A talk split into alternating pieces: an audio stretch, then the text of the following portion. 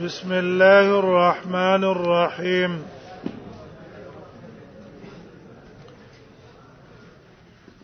باب ما جاء في حق السائل باب دې بیان دا حدیث کې چراغله ده په بار د حق د سوالګر کې سوالګر چې ستا خوا تراغه د حق ته څو لور کا اسی مو واپس کوا کني دعا او توکا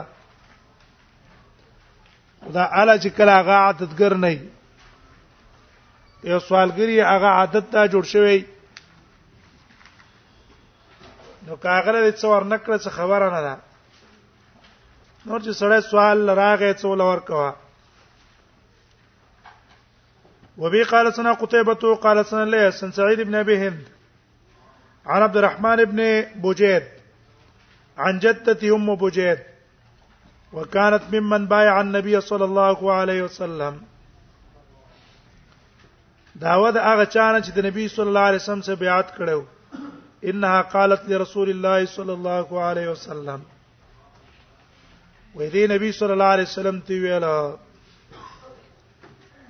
اې دا الله نبی ان المسکین لا یقوم علی بابی یو مسكين سره زما په دروازه باندې ودرېږي فما اجد له شيئا اعطيه اياه زنه من د کوم داغه د پاره یو شی اعطيه اياه چې زاغه د تور کما زبسه کوما قال رسول الله صلی الله علیه وسلم تعالی ان لم تجدي له شيئا کته نه مند کې در پاره او شی توتی چې وره کې دتا الا ظلفا محرق مگر خنګره چې پور سوځیدلې پانچ چوته وي فتفعيله في يدي هغه له پلاس کې کېده یا دا الا زلفا محرقه دا بنا د په مبالغه باندې هه دا زلف محرقه څوک نه استعمالوي خود څو لور کا چې پیدې والا شي چې هغه انتفاع واخلي او څوک وایي چې نه دا په حقیقت باندې بنا ده ځکه په وخت کې بزل په محرقه څه کېدل اب استعمالې ده او دې وخت کې خو پانچړې قیمتي شی ده دې وخت کې چواله ټول ارسنه پانچو خو خسي اگرانه او خلک ډېر په شوق باندې خوري او کوم ځای کې بعد سړی مشهوري الکه پلان کې پانچی خېدي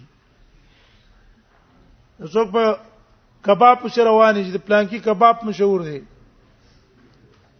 الته بزي څوک په لری پس زی مزه لیکوي الکه الته لره دا غډر مشهور لره دی نو زیر په محرقه نن سبا خلکو تخکاری اوره نه چې دا د خوخه کې حساب نه دی دا په خوخه کې وې جدا به حساب نه وي په خوخه کې نه حساب وي الا زلفا محرقه نو دی وخت زلف محرقه ډېر قیمتي شی دی په هغه وخت کې دونه قیمتي نه و وکړ نور څه نه دا ول ورکه الا زلفا محرقه او څول ورکا چې واپس کوم لا زلفا محرقه فتعي الی فی یده ورکا هغه د پلاس کې وګوره سوالګره سمو واپس کوا څول ورکا وفي الباب عن علي په دې باب کې د علي نم نقل له د حسین ابن علي نم نقل له د ابو هريره ابي امامه قال ابو اسحاق حديث ام بوجير حدیث د ام بوجید چې د حدیث حسن صحیح د حدیث حسن له صحیح ده باو ما جاء فی اعطاء المؤلفه قلوبهم باب بیان د ورکولو د زکات هغه چاته چې تعلیب کې د زړه داغي او مؤلفه القلوب څه معنا ده چې معنا دا کړی چې سړی په اسلام کې داخل لای خو به ته ته پیری کې چې اسلام نه خوانه وړي تاغله څو ورکه د پاره د طالب چې اسلام باندې مضبوط پاتې شي دا خیره دویم قول چې هغه راجح ده مؤلفه القلوب دې ته یو سړی کافر ده خودته را لګيږي اغه ول څه شینه ورکه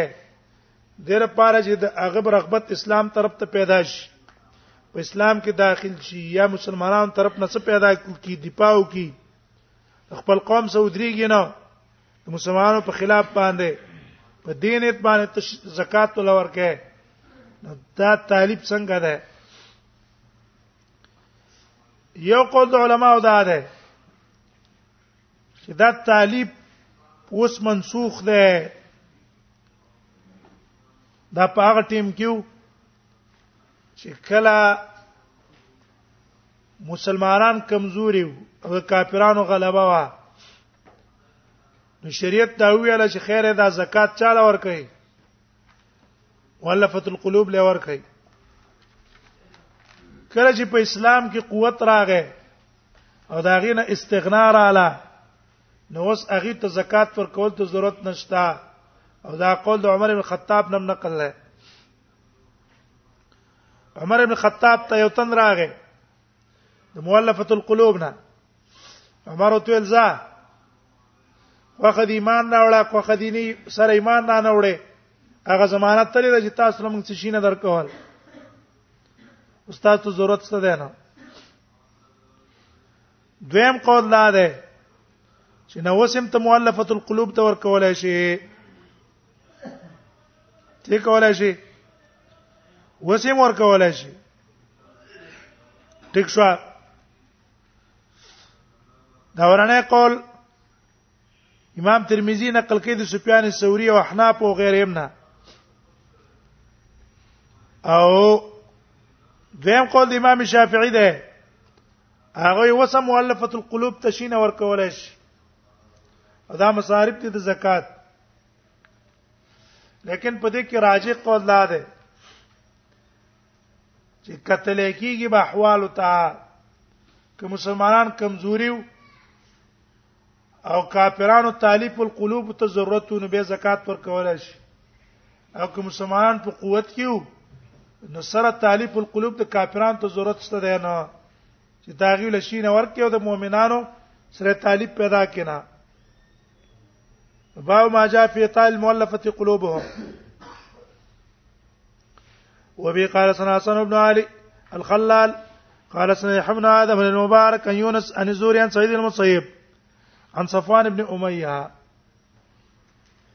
د روایت کې د صفوان بن معینه قال دا وی اعطاني رسول الله صلی الله علیه وسلم یوم حنین ما ته نبی صلی الله علیه وسلم په حنین کې شي نه راکړه وانه الابغض الخلق الیها و په دغه ټیم کې زما نبی سم په تمام مخلوقاتو کې سخت بدی شو د ایمان اعلان راوړی کنه تیار فتح د مکه شوی و نبی سم په مؤلفه القلوب کې تقسیم وکړو تقریبا 50 کسانو وی بیا رستو ماته چې دا شین راکړه فما زال يعطيني من نبی سم ما ترا کول را کول حتا انه لا حب الخلق الیا تر دې چې اوس نبی سم په تمام مخلوقاتو کې ما ته څه ده صح محبوب ده وبي قال سنا ابو اسحاق قال سنا سن ابن علي بهذا او شبهه وبالباب عن ابي سعيد قال ابو اسحاق حدیث صفوان رواه معمر اے علی بهذا او شیبه حکم مقصد دا دی چې امام ترمذی ته پوره الفاظ معلوم نه دي ځکه وی شیبه په دې باب کې د ابي سعید نم روایت ده ابو عیسی حدیث صفوان رواه معمر و غیره عن زهری معمر او نور د زهری نه نقل کړي نو کې د سیدی سعید مسلم ان صفوان ابن امیه قال عن صفوان بن امیه نه ده روایت د چا ده د سی ده ان صفوان بن امیه قال اعطاني او عن صفوان بن امیه اعطاني نه ده وكأن هذا الحديث صح واشبه دا خبره چې ان صفوان دا اصح ده په نسبت د صفوان انما واشبه انما هو سعيد المسيب هغه دا دی چې ان صفوان بن اميه وقد اختلف اهل العلم في اتاء المؤلفه قلوبهم علما اختلاف کړي په ورکولو د زکات هغه کسانو ته چې طالب کې د زړه داغي د اسلام سره مینا پیدا کې داغي پزونو کې د اسلام سره او د مؤمنانو سره فرا اکثر اهل العلم اکثر علما را ادا ده الله يعطو جسم ولا نور کې وقالو دی وای انما كانوا قوما على عهد رسول الله صلی الله علیه وسلم دا کسانو په زمانه د نبی صلی الله علیه وسلم کې کان یتالفهم علی الاسلام نبی صلی الله علیه وسلم مینه پیدا کوله د اسلام سره حتی اسلمو تر دې چې اسلام یې راوړ ولم يروا دیو جایز اوس نه غني اي يعطل يوم من الزکات چې هغه تری زکات نه ورکړې شي على مثل هذا المعنى دقه معنا على مثل هذا المعنى معنا څه ده د دې علتیت توجنا چې ګوره اوس اسلام قوي شو کافرانو ته ضرورت نشته ده دا قول سفیان ثوری کوپی والا وغيرهم وبي يقول احمد واسحاق وقال بعضو چا ویلی دی من کان اليوم علی مثل اولا اوس چې څوک دی داغه پشان ورا الامام از اسلام طرف ته رغبت شته او ټول شی ورکه در پارج په اسلام کې پوره داخل شي ورا الامام او د امام را ادا و ایت الف من الاسلام چې دا غي من د اسلام څخه پیدا کی اعطاهم دولت څور کړه جاز ذلک اذا کار جائز ده دا قول د امام شافعي باو ما جاء في المتصدق يرث صدقته یو سړی دی چاله یو شی صدقه کې ورکو زکات کې ورکو صدقه کې ورکو او سباغه کس مړ شو او دا د په میراث کې پاتې شو آیا دا بیت استعمالول شي کنه حدیث د باب دلیل لري په دې استعمالول شي وبي قالت سهل بن وجر قال سهل بن مسر انا عبد الله بن عطان عبد الله بن بريده انا بي قال كنت جالس عند النبي صلى الله عليه وسلم وزيد النبي صلى الله عليه وسلم په خوا کې ناستم اذا تطوي امراه یو خزو تراله فقالت وی د الله پیغمبره اني كنت تصدقت على امي بجاريه ما صدقه کړو خپل مور باندې په انځه انځه مې ولور کړو و ان ماتت سغمړه شوی دا زما مور هغه ان زما ته په میراث کې پاتې شو بیت مال غسل جایز دي کنه قال نبی صلی الله علیه وسلم وجب اجر کې استاجر واجب شو الله تعالی اجر درکو ورته علیک او به ته واپس کو پتا باندې میراث وردها واپس کړی دی جاری لرا علیک علیک تا تل میراث میراث قالت نو به دی ویل د الله پیغمبره کان علی اسم شارن پای باندې همیش روجی وی افاسوم ونازه ترجیونی سم قال سوم یا نه روجی تینی سام روجی نیولای شي کنه د امام احمد په نسبت باندې رمضان روزه یا د نظر روزه ولید ولید نیولای شي یا کفاره روزه د نیولای شي د دې د وجه نه جمهور علماء روزه بل نه سي صوم نه مراد صدقه ور کول دي صدقه به ته ور کوي قال صوم یا نه قالت یا رسول الله ان لم تحج قط حج نه نه کړه اڅ کلا افحج انا زه تاج کولای شم قال نام حج انا او حجم ته کول شي قال ابو سعيد ذاتي سنت سنت صحيح لا يعرف من حديث بريده الا من هذا الوجه دې سند صرف راغله عبد الله ابن عطاء ثقه ده اندال الحديث نزد محدثينو والعمل على هذا عند اكثر العلم وبدې باندې اکثر علما قول لج ان الرجل اذا صدق بصدقه سړی چې په چاله صدقه ورګي ثم وارثه به په میراث کې تو واپس راشي حلت له دوله حلال شو وقال بعضهم شاوري چې نه انما صدقه شی صدقه خو یو شی له جعلها الله چې الله د پاره ګرځولې ده فایزا ورثه کله چې میراث کې د تراله فیجب ان یصرفا فی مثله په کاردار چې بل خیرات ځای کې څه کی صرف کې ځان استعمال نه کی وروي عن سفيان الثوري وزير بن عايز رضي الله عنه الله نه تا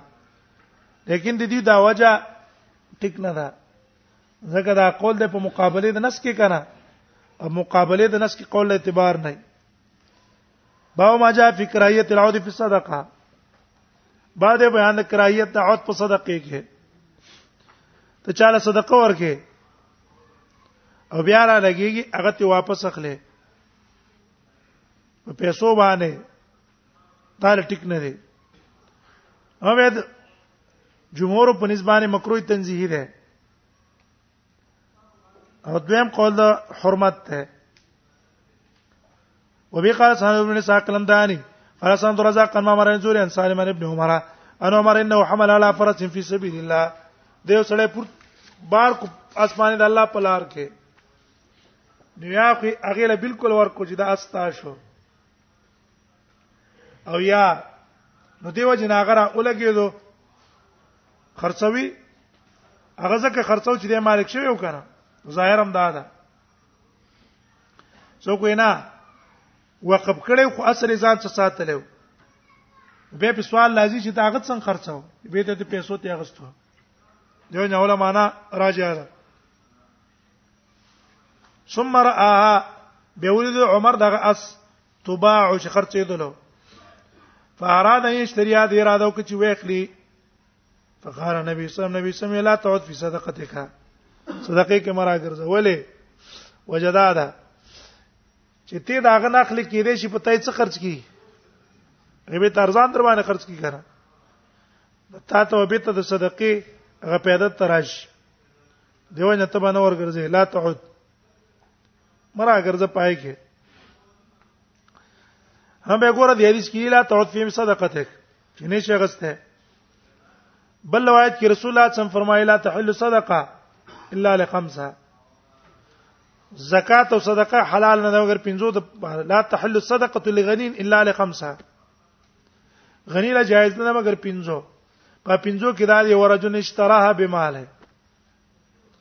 یو سړی دی هغه واخلي په خپل مال واخلي ګوره دا کنه خو معلوم شو چې دا غستل تعالی جایز دي او دلته ویلا تعطفی صدقه تک تطبیق علما دا کړه چې الته مراد فرضي زکات ته دا نپلی صدقه ده نپلی صدقه هم به ته په خپل پیسو نه اړي او فرضي زکات ته چاله ورکړی دی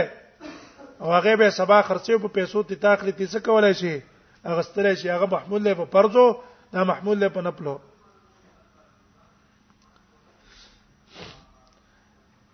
قال ابو سعيد زادي سنه سنه صحيح ولما لا زين اكثر باو ما جاء في صدقه للميت